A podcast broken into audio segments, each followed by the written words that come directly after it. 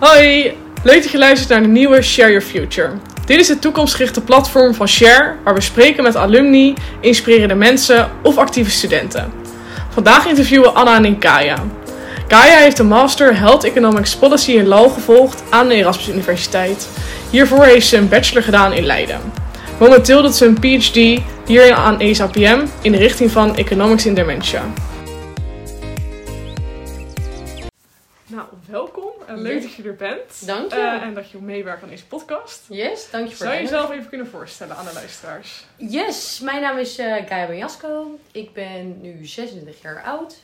Eh, ik ben momenteel bezig met een PhD hier bij ISHBN binnen de afdeling Health Economics.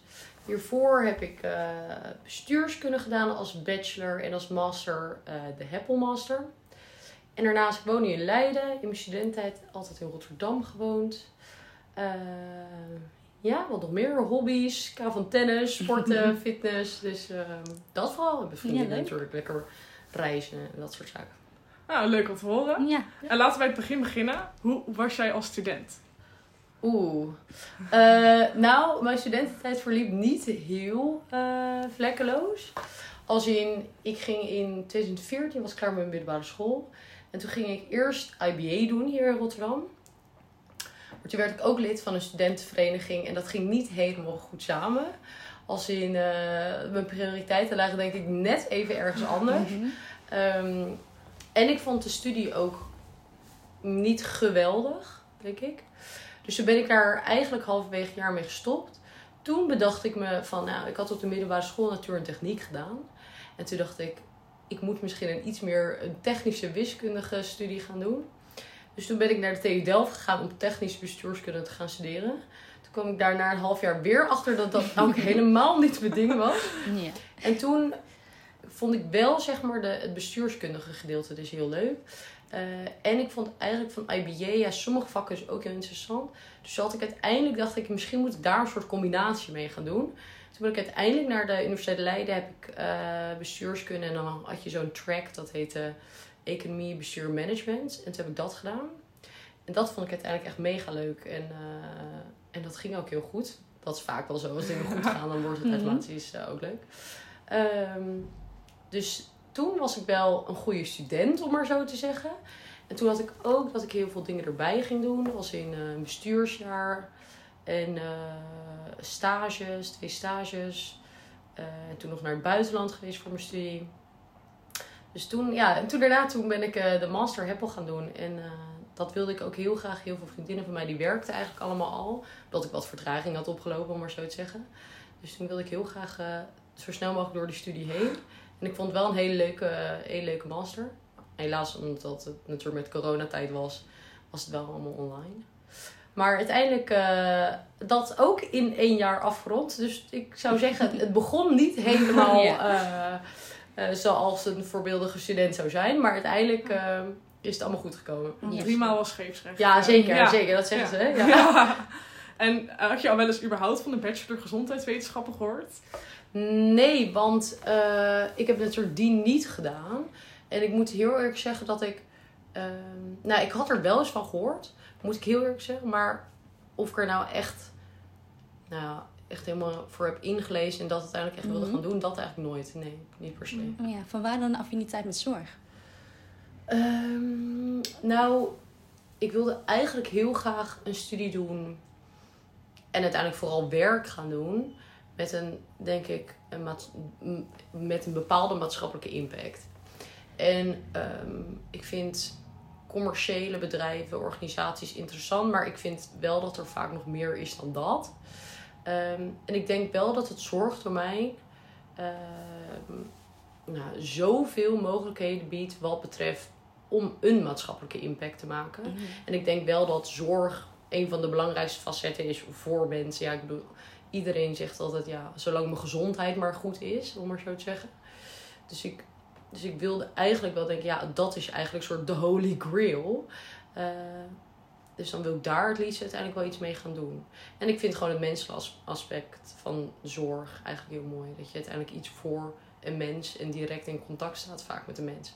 Dus uh, vandaar eigenlijk om uiteindelijk iets met de zorg te gaan doen. Ja, mooi. En was je tijdens je studententijd dan ook al bezig met de toekomst? Of eigenlijk niet echt? Eh, ja, ik denk wel vanaf het moment dat ik echt dus uh, bestuurskunde mee gaan doen aan de Universiteit. Want toen had ik wel weer een beetje door van, ja, in ieder geval, ik weet niet of dat uiteindelijk zo is, maar heel veel mensen in mijn omgeving gingen langzaam wel hun cv opbouwen, om maar zo te zeggen. Ehm, en toen realiseerde ik me steeds wel meer van, er is ook nog wel iets anders dan alleen studeren. Uh, en ik denk ook, en daar ben ik ook echt van mening, dat zeg ik ook heel vaak bij bijvoorbeeld studenten die ik coach, van studie is belangrijk, maar je kan je echt ontwikkelen door zoveel meer dingen te doen. En ik denk dat er heel veel interessante dingen zijn om te doen. Dus toen ben ik dus bijvoorbeeld dat bestuursjaar gaan doen, dat ik gewoon iets meer een soort, nou ja, wat is een soort uh, leiderschapsvaardigheden of zo wilde leren. Um, en gewoon iets meer in een team werken met studenten. Dus dat vond ik heel leuk. Um, en ik wilde heel graag naar het buitenland. Omdat gewoon, ja, weet je, ik bedoel, iedereen gaat wel eens op vakantie. Maar echt wonen in het buitenland wilde ik heel graag doen. Dus toen ben ik uh, naar Canada geweest. Om daar uh, aan de University of British Columbia te gaan studeren voor een half jaar. Dus toen dacht ik, oké, okay, dan heb ik ook die buitenlandervaring. En toen dacht ik, ik wil stages gaan doen. Toen ben ik eerst bij Frisse Blikken geëindigd. Een soort management consultant. Uh, en daar binnen het projectteam Gamification gekomen. Wat eigenlijk betekent dat je nou ja, spellen maakt voor bedrijven. Dat zijn dan geen games of bordspellen. Nou, dat kan in principe eigenlijk wel. Maar dat het eigenlijk meer spellen zijn waarbij je uh, spelenderwijs iets wil leren aan mensen. Dus bijvoorbeeld rolspellen ontwikkelen, maar bijvoorbeeld ook online onboarding tools, et cetera. En toen uiteindelijk ben ik nog een stage gaan doen binnen de retail afdeling van Shell. Dus eigenlijk oh allemaal dingen die helemaal inderdaad niks met mijn studie eigenlijk te maken hadden. Maar ik vond dat juist ook heel leuk om heel veel gevarieerde dingen te gaan doen. Mhm. Om gewoon maar eens te proeven van ja, what is out there? Um, ja. En in principe niet alleen maar in een soort hele vaste, strakke kaders te denken. En uiteindelijk heeft me dat heel veel geleerd. Dus ik denk inderdaad als je vraagt van, was ik al bezig met mijn carrière? Denk ik wel, omdat ik gewoon wel heel veel nou ja, dingen wilde uitproberen. En ook wel Mhm. inzag van, voor mijn cv is het misschien ook wel interessant om gewoon steeds meer dingen uh, aan nevenactiviteiten te gaan doen. Ja. Want je zei een bestuursjaar. Kan je daar iets meer over vertellen? Ja, oeh, dat is wel een tijd geleden. Maar uh, ja, ik heb, dat heette de Hop Week. Dat soort van uh, bestuursjaar wat uh, de introductieweek van studenten aan de Universiteit Leiden organiseerde in Den Haag. Want Den Haag heeft ook nog een dependance. Dus je hebt in Leiden, de universiteit heeft de grote LC-week in Leiden, zeg maar. Oh, de meeste studenten kennen dat wel. En dan heb je in Den Haag ook nog de Hopweek. Uh, en dan is eigenlijk basically hetzelfde wat we doen. Als in we organiseren gewoon een hele introductieweek voor studenten, bachelor en masterstudenten. Um, met allerlei activiteiten, zowel gerelateerd aan hun studie, maar ook gewoon om de stad te ontdekken en elkaar te ontmoeten. Uh, en in dat bestuur heb ik toen acquisitie gedaan, omdat ik eigenlijk uh, het meest wilde leren van ja, in contact staan met bedrijven en nou, meer, meer de zakelijke afhandelingen te doen, zeg maar. Um, dus toen heb ik dat eigenlijk gedaan. Uh, en dat vond ik echt mega leuk eigenlijk. Omdat je ten eerste ook heel veel bedrijven en gewoon mensen ontmoet. Dus het ook een soort netwerking, om maar zo te zeggen. En tegelijkertijd ook wel echt iets voor uh, nou ja, studenten zelf natuurlijk kan organiseren. Want ja, uiteindelijk iedereen die student geweest en iedereen weet ook al hoe belangrijk het is om een soort goede opstart te hebben. Ja. Voordat je gaat studeren. Überhaupt al andere mensen ontmoeten, et cetera. Um, dus dat was ook wel denk ik motivatie om vooral aan die week uh, aan dat bestuursjaar mee te doen. En dat heb ik uiteindelijk uh, heel leuk gevonden. En dat was ook een part-time bestuursjaar. Dus dat betekent dat je niet fulltime uh, daarmee bezig was, maar zeg maar ook gewoon je studie ernaast kon doen. En ik wilde dat ook wel, omdat ik, ja, nogmaals, ik was al wat, natuurlijk wat uitgelopen. Dus ik wilde wel zo snel mogelijk uh, door. Dus dat is uiteindelijk ook prima gegaan naast elkaar. Dus volgens mij heb ik uh, al met de dames dat jaar gehaald en uh, alsnog het bestuursjaar gedaan. Dus dat vond ik ook wel heel fijn of zo. Ja. ja. Nou, bestuursjaar kunnen wij alleen maar aanraden, denk ik. Ja, ja, ja jullie weten er ook Ja. iets van. En Ja. hoe leuk dat is. En vooral dat je inderdaad ook zoveel dingen gewoon leert. Ja, In plaats van alleen maar te studeren. Ja, dat is inhoudelijk natuurlijk heel interessant. Maar ik denk dat ook eh, voor jezelf, als, eh, voor je eigen persoonlijke ontwikkeling, het super leuk is om dat soort dingen te doen. ja. Want hoe kijk je daar achteraf op terug? Wat heb je daarvan geleerd? Oeh, ja, ik denk gewoon wel, ja, natuurlijk, het zijn gewoon hele basale dingen als bijvoorbeeld in een team werken, ehm, een soort stakeholder management. Dus hoe ga je met externe mensen om, in contact daarmee staan om samen uiteindelijk iets op te zetten. Eh, maar ook gewoon, ja, dingen als je moet ook leren op een gegeven moment flexibel te zijn. Als in je werkt met mensen samen, en, maar ook gewoon dingen in de omgeving eh, die je initieel hebt gepland veranderen. Hoe ga je daarmee om? Ehm, en ik denk wat ik ook wel heel leuk vond, ja, je werkt natuurlijk ook best wel met korte deadlines. Als in je, ja, ik bedoel, over twee maanden moet er gewoon iets staan, zeg maar, of eh, langer. Ehm, dus waardoor je ook gewoon uh, heel goed moet uh, prioriteiten moet stellen van ja, wat moeten we nu regelen, wat komt er nog aan. Uh, ja, dat, dat plannen ja, is denk ja. ik best wel.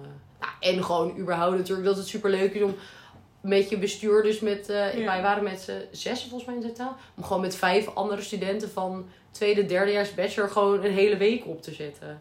Dat vond ik ook, ja, dat is natuurlijk het, het leukste uiteindelijk. En hetgene waar je ook natuurlijk heel veel van leert. Ja, heel vet. Uh, we zijn verder ook benieuwd, want je hebt die overstap gemaakt van Leiden naar Rotterdam. Daar, ja. Nee, van Rotterdam naar Leiden. Om daar dan bestuurskunde te doen in plaats van hier. Hoe beviel dat? Nou, ik heb eerst dus in dat, ja, toen ik hier in Rotterdam zat, toen ik IBA deed, vond ik dat wel leuk. Maar ik moet heel eerlijk zeggen, ja, en ik werk natuurlijk nu voor de universiteit, dus ik mag natuurlijk ook niet te veel bashen.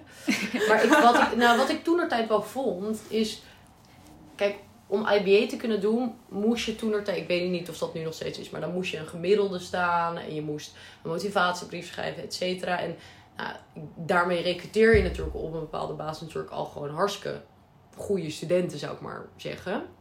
Dus ik vond eigenlijk best wel, überhaupt denk ik, op deze universiteit, dat er best wel heel veel strevers zijn, om maar zo te zeggen. Als mensen werken super hard aan een studie, wat denk ik ook heel goed is hoor, daar niet van. Um, maar toen ik naar de Universiteit Leiden ging, ervaarde ik ook een bepaald soort relaxheid. Dat niet iedereen twee bachelors deed. Dat niet iedereen twee masters deed. Dat had, dat had ik soms in Rotterdam een beetje het gevoel dat dat een soort minimum was. Van ja, als je niet twee bachelors deed, dan uh, hoorde je er niet bij of iets anders. Dus dat vond ik heel fijn. Dat, het, uh, dat er eigenlijk in Leiden best wel een soort relaxedheid heerste. Waarbij je dus enerzijds wel mensen echt hun best deden voor hun studie hoor. Maar dat er ook wel een soort vibe heerst van... Oké, daarbuiten, je mag ook nog ruimte maken voor je sociale leven. En allemaal dat soort zaken. Dus dat vond ik wel best wel een fijne overstap eigenlijk van Rotterdam naar mhm. Leiden. Um, ja, en natuurlijk het feit dat het gewoon een hele andere studie was. Dus inhoudelijk was het natuurlijk ook heel anders. Um, dus ja, dus dat is eigenlijk voor de voornaamste overstap geweest. Het enige jammer vond ik wel ik woonde, ik wilde toen heel graag in Rotterdam blijven wonen. Want ik woonde toen, uh, toen ik IBA ging doen hier in Rotterdam, toen uh, had ik een studenthuis gevonden. Toen woonde ik daar met zes andere meiden in. En dat vond ik eigenlijk zo gezellig. En toen dacht ik, ja, als ik nu in Den Haag mhm. aan de Universiteit Leiden, dus in Den Haag, een studie ga doen, dan ja, moet ik dan naar Den Haag verhuizen. Toen heb ik er wel uiteindelijk voor gekozen om dat dus niet te doen. Uh, en toen ben ik altijd in Rotterdam blijven wonen. Wat betekende dat ik wel dus op en neer moest reizen. Maar uh, ja, dat heb je er dan maar voor over, denk ik. Ja. Is überhaupt een beetje studentenleven in Den Haag? Nou, uh, ja, het is natuurlijk wat, wat je gewend bent, denk ja, ik. Dat is waar. maar ik vond, ja, ik vond Rotterdam heel leuk, omdat Rotterdam, ja, in ieder geval de meeste vriendinnen van mijn uh, studentenvereniging, die woonden allemaal in Kralingen. Nou, ik had al drie clubgenootjes in mijn straat wonen. Waardoor je denk ik heel erg met, met z'n allen in een soort bubbel zit. Maar wel een hele gezellige bubbel. Als in, wat ik heel leuk vond uit Rotterdam, is dat het natuurlijk enerzijds een hele grote stad is. Wat van alles biedt. Als in je kan naar superleuke restaurants, cafés, eh, theater, wat dan ook. En tegelijkertijd voelde Kralingen heel erg als een soort gezellig dorpje waar iedereen samen woonde. Dus, dus dat was ik ook heel erg gewend. Uh, en ik, ja, ik zou niet durven zeggen of Rotterdam of, of uh, Den Haag bedoel ik dat ook heeft. Ook omdat Den Haag denk ik ook qua studentenvereniging misschien niet zo groot is. Maar ja, ik durf Den Haag misschien niet helemaal te bashen. Ik weet het niet. Ik, uh, ik zou zeggen dat Rotterdam... woon je dan nu nog in Rotterdam? Ik heb een hele nee, tijd gehad in Rotterdam. Nee, ik heb echt een normale bestaan gehad. Zeggen vriendinnen van mij ook altijd. Die zeggen, jij was echt een nomaat van de Randstad. Nee, ik, uh, ik, ik kom uit Usgeest. Toen ben ik dus mm -hmm. gaan studeren. Dus inderdaad in Rotterdam. Uh, initieel IBA. Toen ben ik naar Rotterdam verhuisd. Toen heb ik daar uiteindelijk vijf jaar gewoond. Toen moest ik op een gegeven moment studentenhuis uit. Dat was gewoon een regel van dan moet je plaatsmaken voor, voor de nieuwe jongere meiden. Eh, dus toen moest ik na vijf jaar mijn studentenhuis uit. En toen dacht ik, ik ben eigenlijk wel toe aan een nieuwe stad. Toen ben ik naar Amsterdam verhuisd. Toen ben ik daar met een, eh, mijn beste vriendinnetje gaan wonen. Ehm, ook met het idee dat ik dacht, waarschijnlijk ga ik daar wel een master doen. En waarschijnlijk ga ik daar ook een stage doen. Uiteindelijk ging ik een master doen in Rotterdam. Ja. een stage doen in Rotterdam. Dus ik was eigenlijk naar Amsterdam verhuisd Ja. zonder e- enige reden. Eh, en ook met het idee dat ik toen natuurlijk nog... Nee, ik had nog gewoon geen salaris en de huur in. Amsterdam. Nou, ik weet niet of jullie dat weten, maar dat is vrij hoog. Ja. Dus toen dacht ik, oh, misschien is dit niet een hele tactische keuze die ik heb gemaakt. Dus toen ben ik weer terug verhuisd naar Rotterdam. Toen ben ik eh, met nog een paar clubgenootjes die hier wonen, ben ik weer nog in Rotterdam gaan wonen voor een half jaar. En toen uiteindelijk, ja, om allemaal redenen, dat dat huis werd en uiteindelijk verkocht. Want eh, de eigenaar daarvan die ging samenwonen. Nou, lang verhaal kort. Uiteindelijk ben ik dus weggegaan weer uit Rotterdam. Nu woon ik in Leiden. dus ik heb even de cirkel Ja. Eh, dus nu woon ik in Leiden. Maar Ja. wat ik heel leuk Ja. vind. Want ik, eh, heel veel vriendinnetjes van mij van de middelbare school wonen nog in Leiden. Waar ik nog altijd heel veel contact mee heb eh, gehad. Dus het is een beetje een soort thuiskomen. Eh, maar tegelijkertijd ook best wel een overgang als je altijd eh, grote steden gewend bent geweest. En dan weer Ja. terug gaat naar Leiden. Dat is Ja. ook wel een soort, ook een soort dorp eigenlijk bijna. Mhm. Je wil eigenlijk gewoon niet in de stad wonen waar je studeert of werkt. eh. Nee, nee. Nee, dat is houdt ja. gewoon heel erg van Ja, tv. ja. Ja, nee, ja, Klopt. verklaart dan ook. Maar je hebt natuurlijk Heppel gedaan. Eh, je kan natuurlijk ook voor HCM kiezen. Vandaar Ja. de keuze voor Heppel. Ehm, Nou, nou, je ook vaak leiderschap hebt genoemd en management. Dan zou... ja, dat is, ja, Als nu, je ja, nu je het zo zegt, eigenlijk wel. Ja, van waarom zou je dat dan eigenlijk niet doen? Eigenlijk omdat eh, ik heel erg tijdens mijn ehm bachelor bestuurskunde zag dat ik ook soort van de harde economie eigenlijk heel leuk vond. Dus ik vond soort van hele economische vakken met eh, nou ja, eigenlijk een- toch een soort wiskundige ondergrond, et cetera. Eh, in plaats van misschien iets meer die softe vakken, dus over management, et cetera. Dus eigenlijk heel interessant. Ehm, en, ja, dat, ja, dat misschien, dat, dat, nou, dat is een eigen mening. Maar ik geloof er ook best wel vaak in dat je management skills uiteindelijk ook heel erg leert door het gewoon te doen, zeg maar. En tuurlijk, ik begrijp het niet verkeerd, als in, ik denk echt dat er eh, mega interessante studies bestaan met, waarbij je heel veel leert over inderdaad eh, leiderschapsvaardigheden, management, et cetera. Eh, maar ik had toen er tijd een soort idee, ik dacht van ja, als ik gewoon die economische eh, theorie, et cetera, goed begrijp en dat eh, onder de knie heb, dan leer ik in de praktijk uiteindelijk door nou ja, jaren ervaring, et cetera. Ik bedoel, je begint natuurlijk niet meteen als manager, maar gewoon Ja. ergens beginnen en dan over de jaren daar steeds meer van te leren. Groei je daar mis- hopelijk uiteindelijk in. Natuurlijk ook met ondersteuning daarnaast. Hè. Ik bedoel, ik geloof ook altijd dat je zelfs als manager je altijd nog kan blijven ontwikkelen door cursussen, et cetera, te volgen. Ehm, dus eigenlijk vandaar. Dus toen wilde ik eh, heel graag Heppel gaan doen. Ook omdat ik de combinatie heel leuk vond. Dus ik vond en leuk, ja, ik bedoel wat de naam al zegt.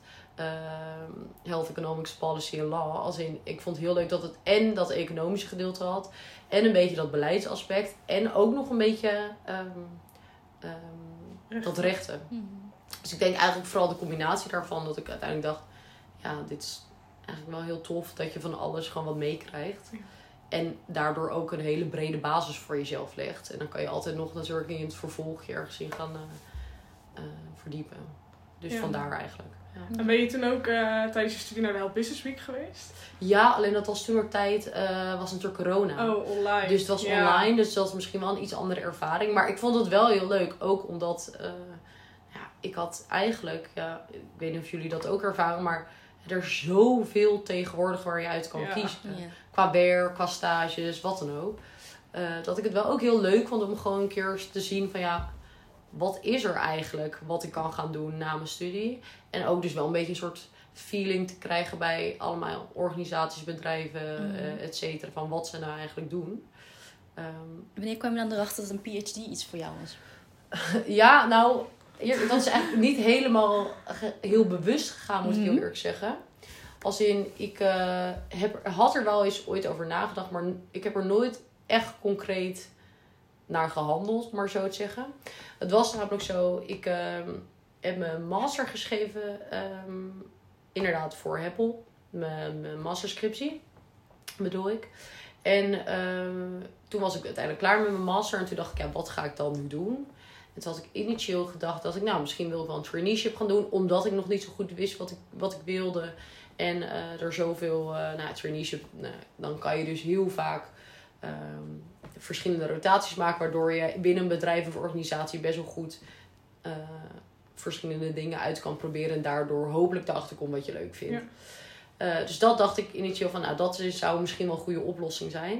En daar heb ik ook voor gesolliciteerd toen tijd. En tegelijkertijd werd ik toen benaderd uh, door mijn scriptiebegeleider van mijn master. Met de vraag of ik misschien niet een PhD wilde gaan doen. En toen ben ik er eigenlijk pas echt concreet over na gaan denken. Toen heb ik ook gezegd, ja, ik weet niet zo goed wat het is. Uh, en ik heb er een bepaald beeld bij en ik weet niet of dat klopt. Ik zou graag in gesprek willen gaan met uh, nou, degene die die PhD verzorgen. Om gewoon daar een beetje een, iets meer een beter beeld van te krijgen. En toen um, heb ik dat gedaan. En toen vond ik initieel het onderwerp heel leuk. Um, en, uh, en ik heb het gebaseerd op het feit dat ik vond tijdens mijn bachelor en mijn master het schrijven van mijn scriptje dus heel leuk. Ja, dat, ik weet niet of heel veel studenten dat zeggen, maar ik vond, ik, ik hield niet zoveel van tentamens maken, et cetera. Maar ik vond dus dingen schrijven altijd heel leuk. En gewoon zelf uh, nou, een beetje in een, koffietentje zitten en uh, artikelen lezen. En daar gewoon uiteindelijk een goed verhaal van breien, om maar zo te zeggen. En onderzoek doen. Uh, dat vond ik heel leuk. dus toen dacht ik, ja, nou, als ik enerzijds dat heel leuk vind, het onderwerp heel leuk vind van deze PG. En voornamelijk dat het heel veel, denk ik, deuren opent voor daarna, als het klaar is. En dan kan ik altijd nog de commerciële wereld of wat dan ook, of iets anders gaan doen, uh, ingaan. Toen dacht ik, ja, waarom zou ik dat dan eigenlijk ook niet doen? Dus vandaar ben ik uiteindelijk een PhD eigenlijk gaan doen. Want wat was je beeld daarvoor? Want je zei van, ik had nou, er niet echt over nagedacht. Ik, ik denk wat, wat er gewoon best wel heerst bij studenten. En daarom vind ik het super leuk om ook aan deze podcast mee te doen. Is dat, en dat had ik persoonlijk ook, er een soort geitwolle sokken idee ja. aan ja. ja, maar dat is super logisch dat dat mensen dat ook denken. Want ja, er, bestaat, er wordt gewoon niet heel veel over verteld. Dus ik dacht, nou, dan zit ik daar de hele dag in een soort grijs kantoortje. Ik spreek niemand. ik zit de hele dag een beetje te typen. Ik, uh, nou, gewoon super solitair werken eigenlijk. En de, weet je, dat is helemaal niet. Dat gaat niet snel genoeg. En dat is niet um, heel hot en happening, om maar zo te zeggen. En toen ging ik dus uiteindelijk met. Uh, in gesprek met, uh, nou, met dus mensen van de universiteit. Van wat is het nou überhaupt om te promoveren? Nou, weet je, kijk, wat het nou bazaal uiteindelijk is, is dat je vier jaar een promotieonderzoek doet, waarbij je uiteindelijk een uh, proefschrift schrijft.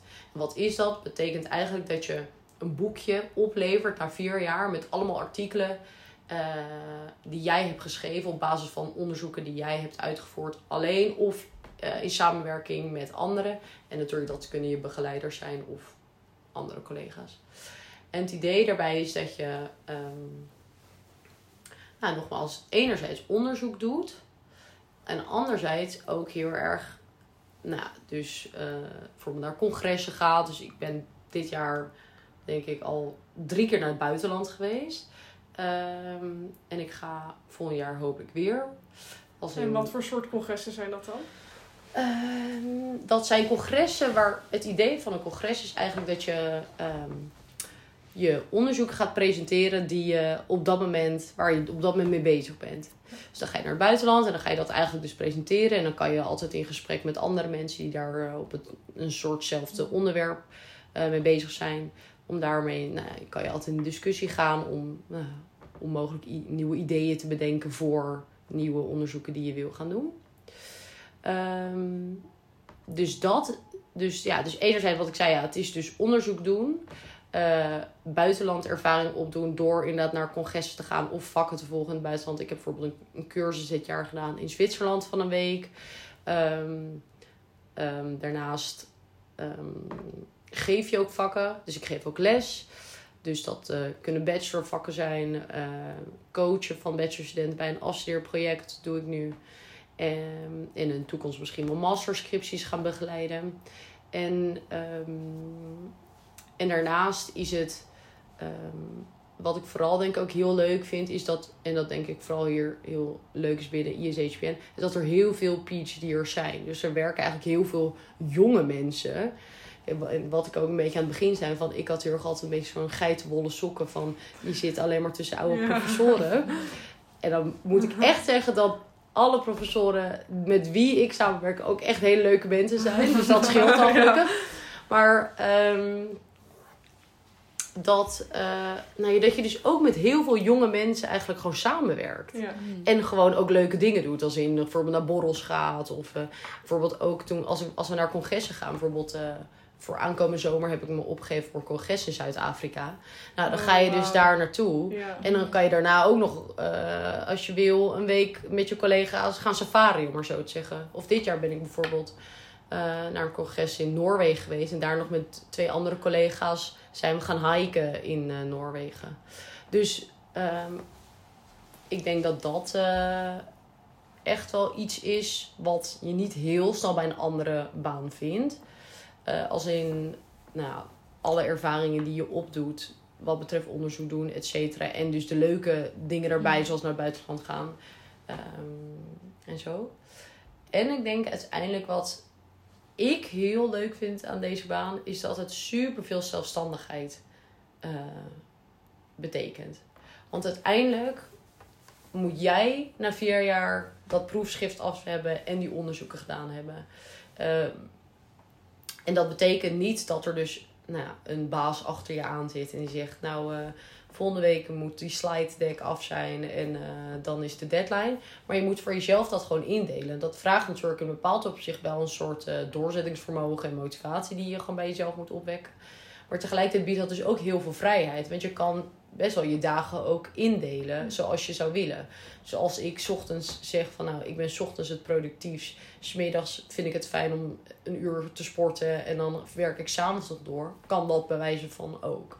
Dus ik denk dat dat... Het is eigenlijk een beetje ook een soort... eh, ik, nou, ik zat er laatst over denken, ook wel aan bijna een soort ondernemerschap. Want je werkt gewoon best wel voor jezelf. En tegelijkertijd werk je ook heel erg in samenwerking met anderen. Met alle jonge PhD's die er zijn. En, eh, en professoren, et cetera. Dus dat vind ik het ja, wel uiteindelijk heel leuk daaraan.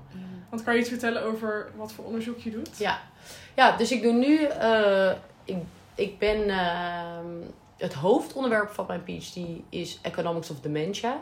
Dus ik doe onderzoek naar personen met dementie. Ehm, en dat houdt eigenlijk in dat we het meer benaderen vanuit dus een economisch perspectief. Dus we kijken niet zozeer naar, ehm, laten we zeggen, de klinische kant. Dus nou ja, diagnos- diagnosticeren van dementie of nou ja, hopelijk het vinden van een wondermiddel. Dat doen we niet. Maar kijken veel meer naar sociaal-economische factoren waar mensen van personen met dementie en hun naasten. Dus bijvoorbeeld nu zijn we bezig met een onderzoek van eh, zien we bijvoorbeeld dat mensen met dementie jaren voor hun diagnose al in de schulden bijvoorbeeld eindigen. Of zien we, ehm en, en bijvoorbeeld hierna zou ik heel graag een eh, meer onderzoek willen gaan doen waarbij je nou, iets meer fieldwork doet. Dus dat je echt meer in contact staat met patiënten met dementie of met hun naasten. Ehm, om iets meer te begrijpen van wa- wat, wat voor invloed heeft dat nou, nou op hun dagelijkse leven. Maar ook op het leven van nou misschien eh, je partner die, eh, die je moet verzorgen bijvoorbeeld. Ehm, en wat voor invloed heeft dat bijvoorbeeld als je nog aan het werk bent en je hebt dementie op een jonge leeftijd. Eh, hoe collega's of je werkgever je daarmee zou kunnen helpen. Dus dat vind ik ook heel leuk aan het doen van onderzoek en dus een PhD. Is dat je enerzijds nou, misschien wel heel erg leert om eh, ehm, kwantitatief onderzoek te doen. Maar je kan ook heel erg, als je dat leuk vindt, heel erg kwalitatief onderzoek doen. En dat je echt ja, zelf eh, data gaat verzamelen, om maar zo te zeggen. Door echt met de personen om wie je het doet in contact te staan. Waardoor je ook heel erg. waardoor je dus niet in dat kantoortje alleen maar Ja. zit weg te stoffen, om maar zo te zeggen. Ja. Dus, ehm, dus ik denk dat het een hele gevarieerde baan vooral is. Die, ja, die nogmaals, ja, je moet lesgeven, je, je krijgt zelf les als in de vakken die je volgt. eh, je doet onderzoek, je gaat best wel vaak naar het buitenland. eh, en tegelijkertijd is het ook een hele gezellige baan, want er werken ongeveer een stuk of, ik weet niet hoeveel, nu 40, 50 PhD's op de afdeling. Oh. Dus je hebt ook echt nou ja, best wel vaak leuke borrels of activiteiten, et cetera. Mhm. Dus ehm, Ja, ik ben dus heel enthousiast. En kijk, het is niet dat ik dit nu alleen maar zeg om mensen binnen te harken. Ja, dat zou ik Ja. Ja. willen. Omdat ik vooral eigenlijk heel erg aan studenten wil Ja. duidelijk maken hoe leuk het eigenlijk vooral zou je dat de studenten willen meegeven als ze hier nog heel erg over twijfelen? Nou, dat... En dan wil ik wel daarbij zeggen, als je het inderdaad dus leuk ervaart... dat je het leuk vindt om je bachelor scriptie te schrijven of je masterscriptie. Want kijk, dat is natuurlijk wel een soort maatstaf van of het bij je past, ja, Ja. of nee. Maar als dat zo is en je weet nog niet helemaal goed wat je zou willen... ehm, en je wil wel, nou ja, gewoon iets meer in de diepte duiken in een bepaald onderwerp. En tegelijkertijd ook dat die sociale component, et cetera, erbij hebben. En buitenlandervaring op, eh, opdoen. Dan denk ik dat dit dus wel echt een hele geschikte kans is. En voor mij is het bijvoorbeeld ook, wat bijvoorbeeld voor mij een van de meest.